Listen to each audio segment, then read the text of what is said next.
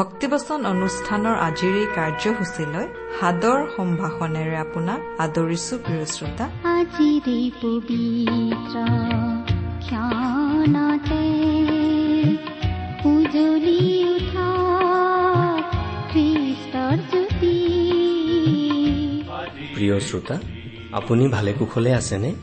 জীৱনৰ বিভিন্ন সমস্যাসমূহক জয় কৰি এক সুশৃংখল জীৱন যাপন কৰিবলৈ আমাৰ সকলোকে প্ৰয়োজন এজন প্ৰকৃত বন্ধু আৰু সাৰথী। এই সাৰথীজন হৈছে প্ৰভু যীশুখ্ৰীষ্ট। তেওঁ মানুহক মুক্তি আৰু প্ৰচুৰ জীৱন দিবলৈ ক্ৰুচত বলি হবলৈকো কুণ্ঠাবোধ নকৰিলে। সেয়েহে তেওঁহে আপোনাৰ মোৰ জীৱনত সঠিক পথেৰে আগবাঢ়ি যাওঁতে সহায় কৰিব পাৰে তেওঁত আশ্ৰয় লৈ আমাৰ জীৱনে প্ৰকৃততে সঠিক জীৱনৰ বাট বিচাৰি পায়। গতিকে তেওঁৰ বিষয়ে আৰু অধিককৈ জানিবলৈ পবিত্ৰ বাইবেলৰ এই শিক্ষামূলক অনুষ্ঠান ভক্তিবচন মনোযোগেৰে শুনো।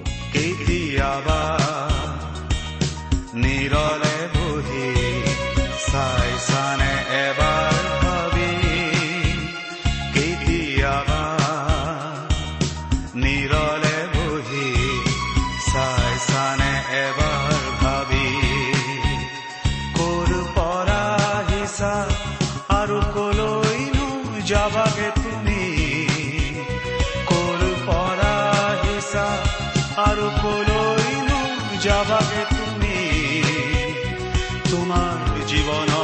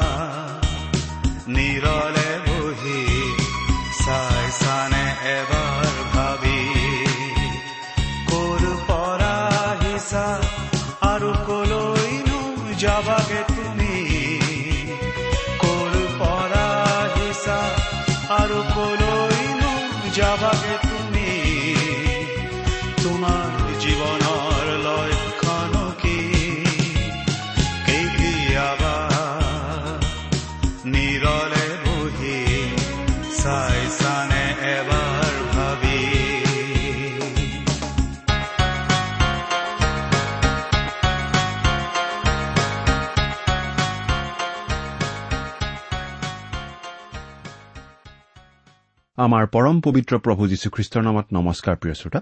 আশা কৰো মহান পিতা পৰমেশ্বৰৰ মহান অনুগ্ৰহত আপুনি ভালে কুশলে আছে। আচলতে এই পৃথিৱীত যে আমি জীয়াই আছো আমাৰ জীৱনৰ প্ৰতিটো পলৰ বাবে আমি ঈশ্বৰক ধন্যবাদ দিব লাগে। কিন্তু এই জীৱনৰ সিপাৰে যি অনন্ত জীৱন আছে সেই অনন্ত জীৱন যেন আমি স্বৰ্গত কটাবলৈ পাওঁ তাৰ ব্যৱস্থা যে ঈশ্বৰে কৰিলে সেইবাবেহে আমি ঈশ্বৰক অধিক ধন্যবাদ দিব লাগে। ঈশ্বৰৰ সেই ব্যৱস্থাৰ কথা আমি তেওঁৰ মহান বাক্য বাইবেল শাস্ত্ৰত পাওঁ। সেই বাইবেল শাস্ত্ৰ সহজ সৰলভাৱে অধ্যয়ন কৰাৰ চেষ্টা আমি কৰি আহিছো এই অনুষ্ঠানৰ যোগেৰে। আশা কৰো আপুনি আমাৰ এই অনুষ্ঠান নিয়মিতভাৱে শুনি আছে। শুনি কেনে পাইছে বাৰু? কিবা প্ৰকাৰে উপকৃত হৈছেনে? অনুগ্ৰহ কৰি আমালৈ লিখি পঠিয়াওকচোন। আপোনালোকৰ পৰা চিঠি পত্ৰ পাবলৈ আমি আশাৰে বাট চাই থাকো। অনুগ্ৰহ কৰি আজি এই দুষাৰিমান লিখি পঠিয়াওকচোন। আহকচোন আজিৰ বাইবেল অধ্যয়ন আৰম্ভ কৰাৰ আগতে খন্তেক প্ৰাৰ্থনাত মূৰ দুৱাওঁ। আমি প্ৰাৰ্থনা কৰো। স্বৰ্গত থকা অসীম দয়ালু কৰোণাময় পিতা তোমাৰ তুলনা নাই। তোমাৰ প্ৰেম তোমাৰ কৰুণা তোমাৰ অনুগ্ৰহৰ কথা আমি বৰ্ণাই শেষ কৰিব নোৱাৰো। প্ৰভু যীশুৰ যোগেদি তুমি আমালৈ যি অনুগ্ৰহ দেখুৱালা তাৰ বাবে তোমাক অশেষ ধন্যবাদ পিতা। এতিয়া আমি তোমাৰ মহান বাক্য বাইবেল শাস্ত্ৰ অধ্যয়ন কৰিবলৈ আগবাঢ়িছো। তোমাৰ বাক্য তুমিয়েই আমাক বুজাই দিয়া। এই অনুষ্ঠানৰ আৰম্ভণিৰ পৰা শেষলৈকে তুমিয়েই আমাৰ চলাওঁতা হোৱা। অনুষ্ঠান শুনি থকা প্ৰতিজন শ্ৰোতাৰ জীৱনত তোমাৰ মহান অনুগ্ৰহৰ আশীৰ্বাদ প্ৰকাশ পাই উঠিবলৈ দিয়া। তেওঁলোকৰ জীৱন সৰ্বাংগ সুন্দৰ কৰি তোলা। কিয়নো এই প্ৰাৰ্থনা আমাৰ মহান ত্ৰাণকৰ্তা মৃত্যুঞ্জয় প্ৰভু যীশুখ্ৰীষ্টৰ নামত আগবঢ়াইছো। আমেন।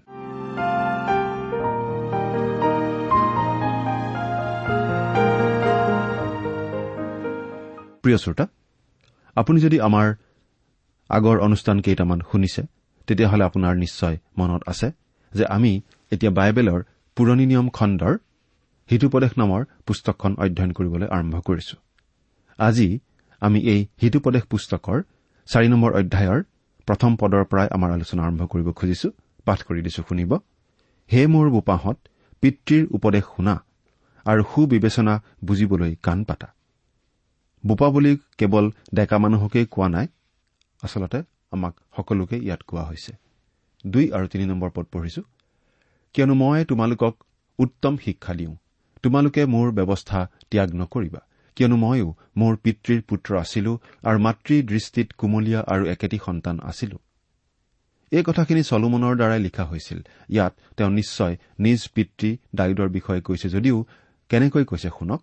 ময়ো মোৰ পিতৃৰ পুত্ৰ আছিলো আৰু মাতৃৰ দৃষ্টিত কুমলীয়া আৰু একেটি সন্তান আছিলো। কিছুমানে ভাবে যে ডায়ুদৰ হৃদয়ত চলোমনে প্ৰথম স্থান লাভ কৰিছিল। কিন্তু আমি হলে তেনেকৈ নাভাবো কাৰণ ঐতিহাসিক পুস্তকবোৰৰ পৰা আমি জানিব পাৰো যে ডায়ুদৰ হৃদয়ত চলোমনে প্ৰথম স্থান অধিকাৰ কৰা নাছিল কাৰণ তেওঁ লিগিৰিৰে ভৰা ৰাজ কাৰেঙত ডাঙৰ দীঘল হৈছিল। তেওঁ এজন আদৰুৱা আৰু আলাসৰ লাৰুৰ নিচিনা ল'ৰা আছিল। চলোমনৰ কাৰণে ডায়ুদে যথেষ্ট সময় দিয়া নাছিল। সেইকাৰণে চলোমনে কৈছে মই পিতৃৰ পুত্ৰ আছিলো কিন্তু মোৰ মাতৃয়ে মোক মৰম কৰিছিল আৰু শিক্ষা দিছিল। চাৰি নম্বৰ পদত চাওক তেওঁ মোক শিক্ষা দি এই কথা কলে তোমাৰ হৃদয়ে মোৰ বচন ৰাখক তুমি মোৰ বাক্যবোৰ পালন কৰা। ডায়ুদে চলোমনক নিশ্চয় বহু উপদেশ দিছিল। তাৰ ভিতৰত আমি জানো যে চলোমনক যেতিয়া ৰজা পতা হৈছিল তেতিয়া ডায়ুদে কৈছিল পুৰুষালী দেখুওৱা। কাৰণ তেওঁ অনুভৱ কৰিছিল যে চলোমন যেনে পুৰুষ হ'ব লাগিছিল তেনে হ'ব পৰা নাছিল। সেইকাৰণে কৈছিল তোমাৰ হৃদয়ে মোৰ বাক্য ৰাখক আৰু তুমি মোৰ আজ্ঞা পালন কৰি জীৱন ধাৰণ কৰা। পাঁচ আৰু ছয় নম্বৰ পদ প্ৰজ্ঞা উপাৰ্জন কৰা সুবিবেচনা আৰ্যা তাক নাপাহৰিবা আৰু মোৰ মুখৰ বচনৰ পৰা আঁতৰি নাযাবা। প্ৰজ্ঞাক ত্যাগ নকৰিবা তাতে তেওঁ তোমাক ৰক্ষা কৰিব। তেওঁক প্ৰেম কৰা তাতে তেওঁ তোমাক ৰাখিব। এই কথা আমি আগতেও পাই আহিছো যে প্ৰজ্ঞাক আমাৰ আগত এগৰাকী নাৰীৰ ৰূপত দাঙি ধৰা হৈছে আৰু সেই নাৰীৰ এখন পঢ়াশালী আছে আৰু তাৰ পৰা ডেকাসকলক পাঠদান কৰি থকা হৈছে। ইয়াৰ বিপৰীতে আমি আন এগৰাকী তিৰোতাৰ বিষয়ে পাইছো যাক আমি অচিন তিৰোতা বুলি কৈছো। আৰু সেই তিৰোতাগৰাকী হল বেবিচাৰী কৰা তিৰোতা। ডেকাসকলক হাত বাউলি দি মাতি থাকে আৰু ডেকাসকলৰ জীৱন সেই তিৰোতাই ধ্বংস কৰে। কিন্তু প্ৰজ্ঞাই হলে ডেকাসকলক ৰক্ষা কৰে আৰু নিৰাপদে ৰাখে। প্ৰজ্ঞাক প্ৰেম কৰা তাতে তেওঁ তোমাক ৰক্ষা কৰিব। এই কথাটোৱে আজিৰ শিক্ষাৰ কৰ্তৃপক্ষৰ মাজত এটা ডাঙৰ পাৰ্থক্য আঙুলিয়াই দিয়ে। কাৰণ এইটো চিন্তা কৰিবলগীয়া কথা যে তেওঁলোকে প্ৰজ্ঞাক ভালপোৱাৰ প্ৰমাণ লেখ মানুহ দিব পৰা নাই। তাৰমানে ঈশ্বৰৰ বচনক তেওঁলোকে প্ৰেম কৰেনে? ইয়াৰ উত্তৰত আমি অৱশ্যে এটা কথা ক'ব পাৰো যে মানুহৰ জ্ঞানক প্ৰেম কৰিবলৈ হলে সেই জ্ঞান আগতে বুজি পাব লাগিব। কিন্তু ঐশ্বৰিক জ্ঞানক বুজি পাবলৈ হলে তাক আগতে প্ৰেম কৰিব লাগিব।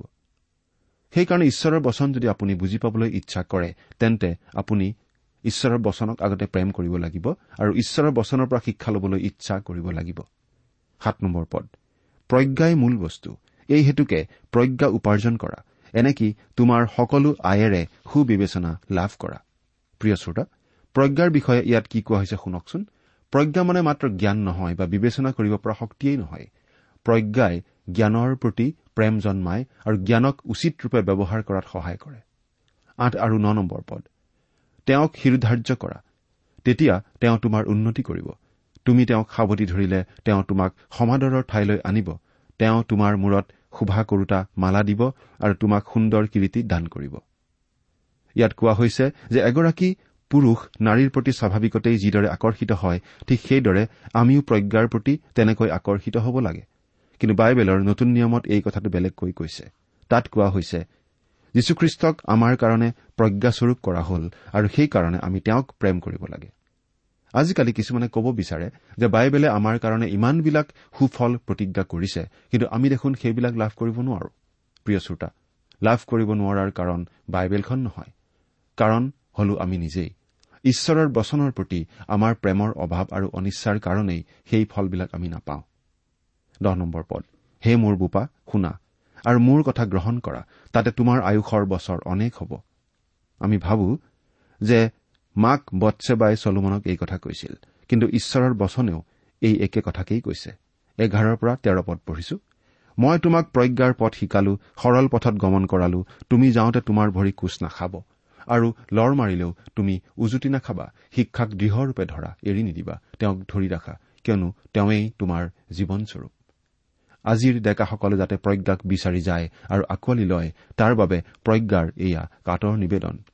প্ৰজ্ঞাই যদি সকলোৰে জীৱনত প্ৰথম স্থান লাভ কৰিলেহেঁতেন তেন্তে প্ৰত্যেকৰ জীৱন বৰ সুন্দৰ হলহেঁতেন। চৈধ্য আৰু পোন্ধৰ পদ। দুষ্টবোৰৰ বাটত নুসুমাবা আৰু দুৰ্জনবোৰৰ পথত নচলিবা।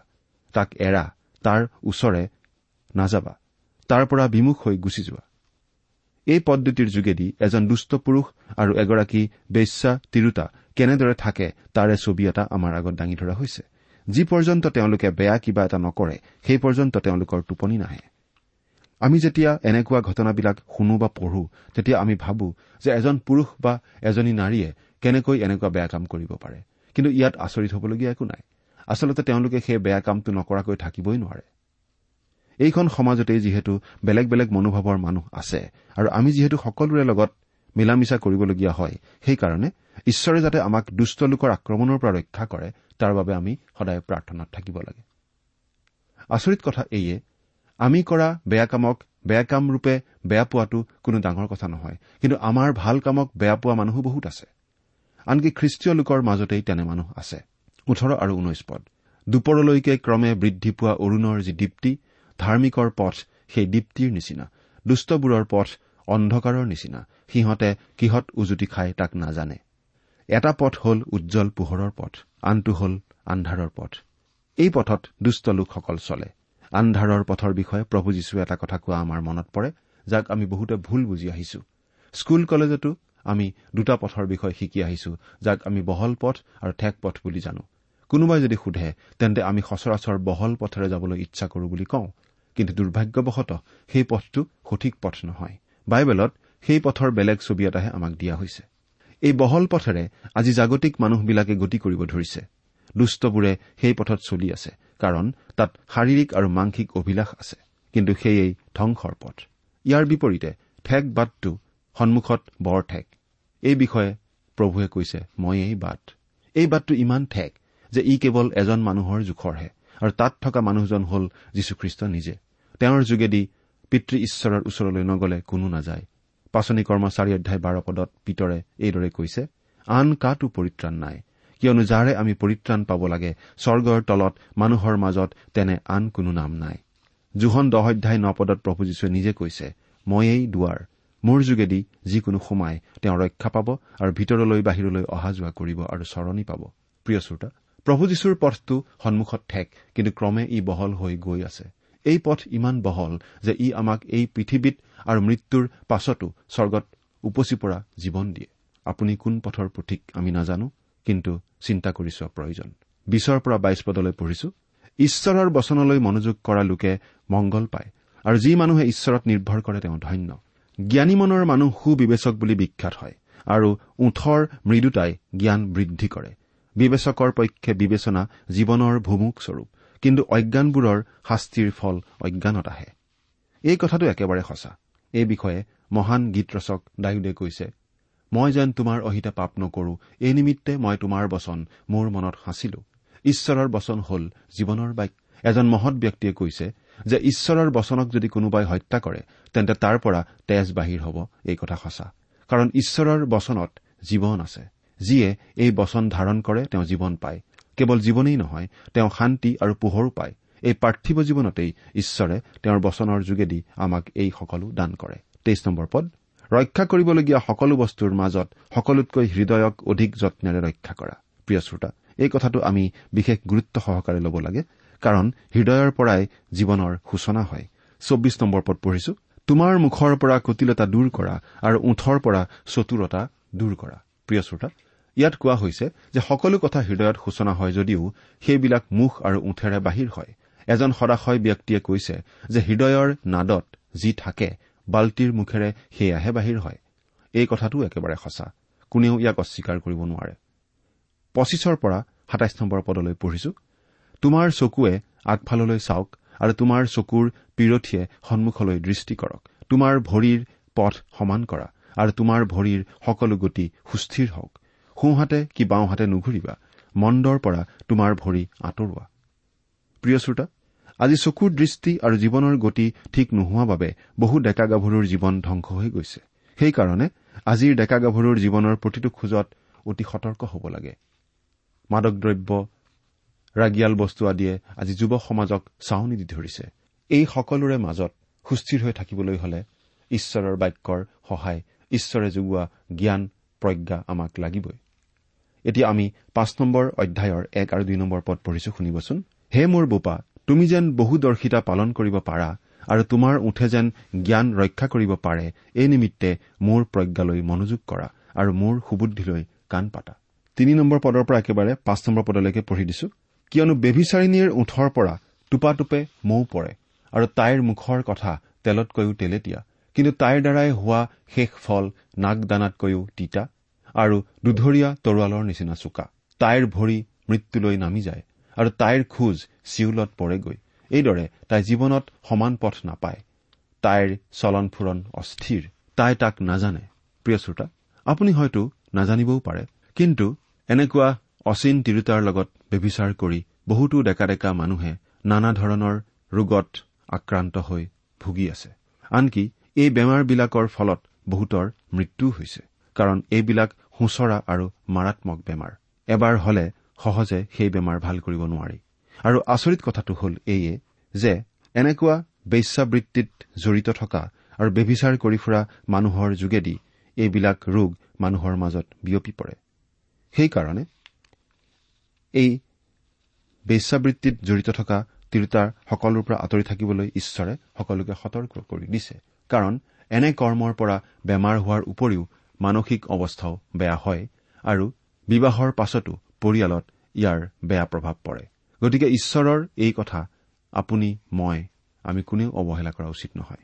সাত নম্বৰ পদৰ পৰা এঘাৰ নম্বৰ পদলৈকে এতিয়া পাঠ কৰি দিম। এই হেতুকে হে মোৰ বোপাহঁত মোৰ কথা শুনা। মোৰ মুখৰ বাক্যৰ পৰা বিমুখ নহবা। তুমি তাইৰ পৰা তোমাৰ পথ দূৰত ৰাখা। তাইৰ ঘৰৰ দুৱাৰৰ ওচৰলৈকে নাযাবা। গলে তুমি তোমাৰ সৌন্দৰ্য অন্যৰ হাতত সমৰ্পণ কৰিবা। আৰু তোমাৰ আয়ুস নিৰ্দয়াক দিবা। তাতে তোমাৰ ধন সম্পত্তিত অচিনাকি লোক তৃপ্ত হ'ব। আৰু তোমাৰ পৰিশ্ৰমৰ ফল পৰজাতীয়ৰ ঘৰত হ'ব। আৰু তোমাৰ মাংস ও শৰীৰ ক্ষয় পালে তোমাৰ শেষ অৱস্থাত তুমি শোক কৰিবা। প্ৰিয় শ্ৰোতা এই কথাৰ দ্বাৰা ঈশ্বৰে ডেকাসকলক অতি সাৱধান কৰি দিছে। কাৰণ বেশ্যা তিৰোতাৰ লগত তেনেদৰে মিলাপ্ৰীতি কৰিলে বিভিন্ন ধৰণৰ বেমাৰে সহজে আক্ৰমণ কৰিব পাৰে। ডাঙৰ ডাঙৰ চহৰবোৰত আৰু পশ্চিমীয়া দেশ কিছুমানত বিভিন্ন ধৰণৰ এনেকুৱা বেমাৰৰ প্ৰকোপ বেছি বুলি আমি জানিব পাৰো। তেনেকুৱা তিৰোতাৰ লগত একেলগে সময় কটোৱাৰ ফলত স্বাস্থ্য পাতি আৰু চেহেৰাৰ ক্ষতি হয় আৰু ধন সম্পত্তিও আনৰ হাতলৈ যায় বুলি ঈশ্বৰে কৈছে। কেনেকৈ জানেনে?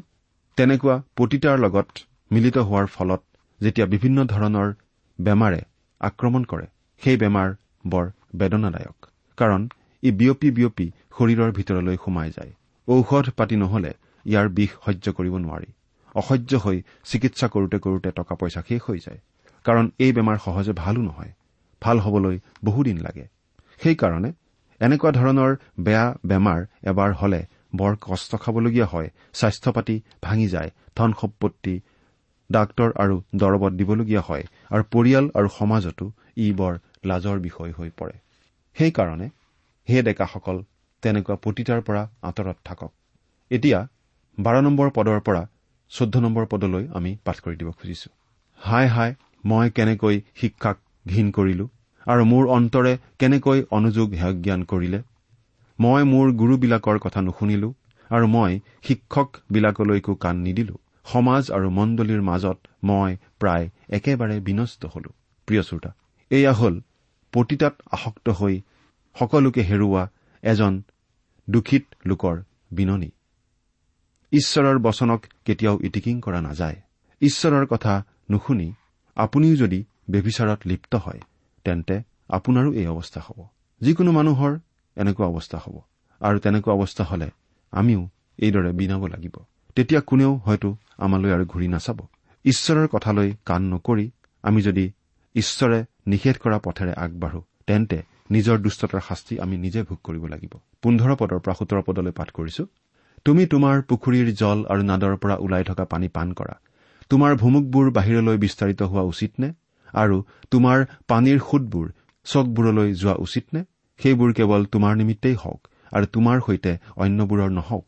চমুকৈ কবলৈ গ'লে ইয়াত কোৱা হৈছে যে আপোনাৰ ভাৰ্যা আপোনাৰেই হওক অন্যৰ নহওক। আপুনিও আনৰ নহৈ কেৱল মাত্ৰ আপোনাৰ ভাৰ্যাৰেই হওক। এয়া ঈশ্বৰৰ পৰামৰ্শ। ওঠৰ আৰু ঊনৈশ নম্বৰ পদ শুনিবচোন।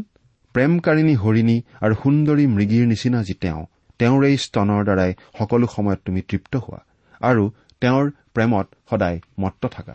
ইয়াত বিবাহৰ যোগেদি প্ৰেমৰ কথা কোৱা হৈছে। অৰ্থাৎ বিবাহৰ যোগেদি হোৱা শাৰীৰিক প্ৰেম আৰু শাৰীৰিক সম্বন্ধ দুয়োটাই পবিত্ৰ। ঈশ্বৰে ইয়াক উচ্চ মৰ্যাদা দান কৰিছে। অতীতত এনে এটা সময় আছিল যেতিয়া বিবাহৰ পাছতো এনেকুৱা ধৰণৰ কথাক লাজ আৰু লেতেৰা বুলি গণ্য কৰা হৈছিল। ঈশ্বৰে কিন্তু লাজ কৰা নাই বৰং বিবাহৰ যোগেদি শাৰীৰিক প্ৰেমৰ অনুমতি দিছে। কিন্তু বিবাহৰ বাহিৰত তেনেকুৱা সম্বন্ধ পাপ বুলি ঈশ্বৰে স্পষ্টকৈ জনাই দিছে। প্ৰিয় শ্ৰোতা আমি সকলোৱে মনত ৰখা উচিত যে ঈশ্বৰৰ দৃষ্টিত বিবাহ সকলো মানুহৰ মাজত সন্মানীয়। ইব্ৰী তেৰ নম্বৰ অধ্যায় চাৰি নম্বৰ পদত এইদৰে কোৱা হৈছে সকলোৰে মাজত বিবাহ আদৰণীয় আৰু তাৰ শয্যা সূচী হওক। কিন্তু ব্যভিচাৰী আৰু পৰস্ত্ৰীগামীবিলাকৰ সোধ বিচাৰ ঈশ্বৰে কৰিব। অৰ্থাৎ ঈশ্বৰে বিবাহৰ সম্বন্ধক বৰ মধুৰ বুলি কৈছে আৰু ই আদৰণীয় আৰু পবিত্ৰ। সেইকাৰণে ইয়াক বৰ সহজ হিচাপে আমি ল'ব নালাগে। কিন্তু বিবাহৰ বাহিৰে আন শাৰীৰিক সম্বন্ধৰ সোধ বিচাৰ ঈশ্বৰে কৰিব। আনহাতে বিবাহিত স্বামী আৰু ভাৰ্যাৰ শাৰীৰিক সম্বন্ধৰ বিষয়ে প্ৰথম পিতৰ তিনি অধ্যায় সাত পদত এইদৰে কোৱা হৈছে সেইদৰে হে পুৰুষবিলাক তোমালোকতকৈ স্ত্ৰীলোক দুৰ্বল আৰু জীৱনৰূপ অনুগ্ৰহৰ সহকাৰিণী বুলি জানি তোমালোকৰ প্ৰাৰ্থনাত যেন বাধা নজন্মে এইকাৰণে তেওঁবিলাকে সৈতে সহবাস কৰি তেওঁবিলাকক সমাদৰ কৰা। ইয়াৰ দ্বাৰা কোৱা হৈছে যে যেতিয়া এহাল স্বামী স্ত্ৰী একেলগে শান্তিত থাকি ইজনে সিজনক বিশ্বাস আৰু প্ৰেম কৰি একেলগে প্ৰাৰ্থনা কৰিব পাৰে সেইখন ঘৰে খ্ৰীষ্ট আৰু মণ্ডলীৰ সম্বন্ধটো উপস্থাপন কৰে। এই ক্ষেত্ৰত আমি ন দি ক'ব পাৰো যে তেনে ঘৰক ঈশ্বৰে আশীৰ্বাদ কৰিবই। বিশ আৰু একৈশ নম্বৰ পদ। কিয়নো হে মোৰ বোপা তুমি পৰস্ত্ৰীত কিয় মত্ত হবা? আৰু বেবিচাৰিণীক কিয় বুকুত সাৱধি ধৰিবা? কিয়নো মনুষ্যৰ আটাই কাৰ্য ঈশ্বৰৰ চকুত আছে আৰু তেওঁ তাৰ সকলো পথৰ বিচাৰ কৰে। প্ৰিয় শ্ৰোতা ঈশ্বৰ সৰ্বজ্ঞানী আৰু সৰ্ববিৰাজমান। আমাক আৰু আমাৰ কৰ্মবোৰ তেওঁ দেখা পাই আছে। আনকি আমাৰ মনৰ চিন্তা আৰু পথবোৰ তেওঁ জানে। তেওঁ আমালৈ চাই আছে। শেষৰ পদ দুটা পঢ়ি দিছো। দুষ্টক নিজ অপৰাধেই ধৰা পেলায়। সি নিজৰ পাপৰূপ জড়িত বন্ধ থাকে। সি শিক্ষাৰ অভাৱত প্ৰাণ ত্যাগ কৰে আৰু তাৰ অজ্ঞানতাৰ বাহুল্যত সি মতলীয়াৰ নিচিনা ধলং পলং কৰে। প্ৰিয় শ্ৰোতা আমাৰ বাৰু কি অৱস্থা? চিন্তা কৰি চাওঁচোন। ঈশ্বৰে প্ৰভু যীশুৰ যোগেৰে যি আম্মিক জ্ঞান আমালৈ আগবঢ়াইছে প্ৰভু যীশুক গ্ৰহণ কৰাৰ দ্বাৰাই সেই জ্ঞান গ্ৰহণ কৰি আমি আম্মিক জীৱনত সুস্থিৰ হোৱা উচিত নহয়নে বাৰু? ঈশ্বৰে আমাক আশীৰ্বাদ কৰক। প্ৰিয় শ্ৰোতা ইমান পৰে আপুনি বাইবেল শাস্ত্ৰৰ পৰা ঈশ্বৰৰ বাক্য শুনিলে। এই বিষয়ে আপোনাৰ মতামত জানিবলৈ পালে আমি নথৈ আনন্দিত হ'ম। আমি প্ৰস্তুত কৰা বাইবেল অধ্যয়নৰ চিডিসমূহ পাব বিচাৰিলে আৰু অনুষ্ঠানত প্ৰচাৰ কৰা কোনো কথা বুজিব লগা থাকিলেও আমালৈ লিখক। আমাৰ যোগাযোগৰ ঠিকনা ভক্তিবচন ট্ৰান্সফল ৰেডিঅ' ইণ্ডিয়া ডাক বাকচ নম্বৰ সাত শূন্য গুৱাহাটী সাত আঠ এক শূন্য শূন্য এক ঠিকনাটো আকৌ এবাৰ কৈছো ভক্তিবচন ট্ৰান্সৱল ৰেডিঅ' ইণ্ডিয়া ডাক বাকচ নম্বৰ সাত শূন্য গুৱাহাটী সাত আঠ এক শূন্য শূন্য এক। আমাৰ ইমেইল এড্ৰেছটো হৈছে Assamese T TV at the rate radio' eight eight two dot com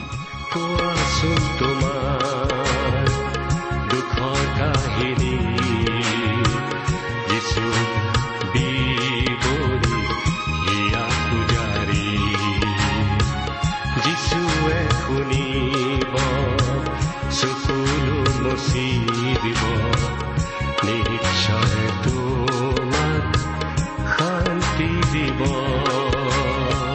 আমাৰ website W W W dot T W R dot in আপুনি টেলিফোনৰ মাধ্যমেৰেও আমাক যোগাযোগ কৰিব পাৰে আমাৰ টেলিফোন নম্বৰটো হৈছে nine eight five four zero' four zero' eight eight nine phone নম্বৰটো আকৌ এবাৰ কৈছো ন আঠ পাঁচ চাৰি শূন্য চাৰি শূন্য আঠ আঠ ন। আপুনি এই ভক্তিবচন অনুষ্ঠানটি আমাৰ website radio' eight eight two dot কমতো শুনিব পাৰিব আজিৰ অনুষ্ঠানটি ইমানতেই সামৰিছো। ঈশ্বৰৰ শান্তি আৰু অনুগ্ৰহ আপোনাৰ লগত থাকক। ধন্যবাদ।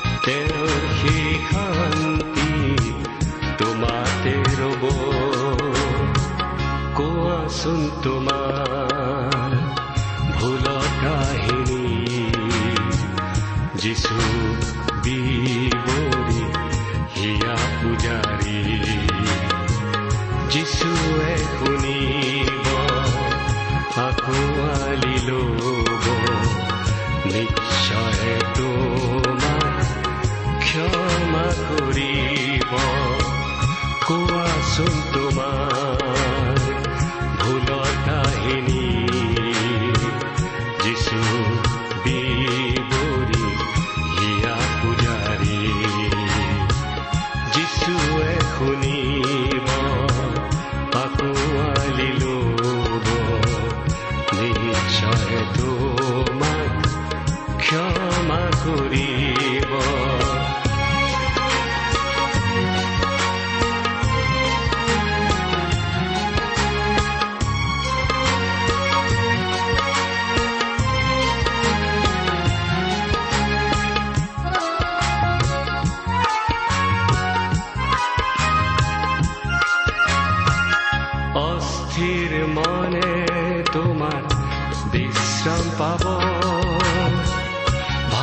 ভাৰাক্ৰান্ত জনে জিৰণি পাব।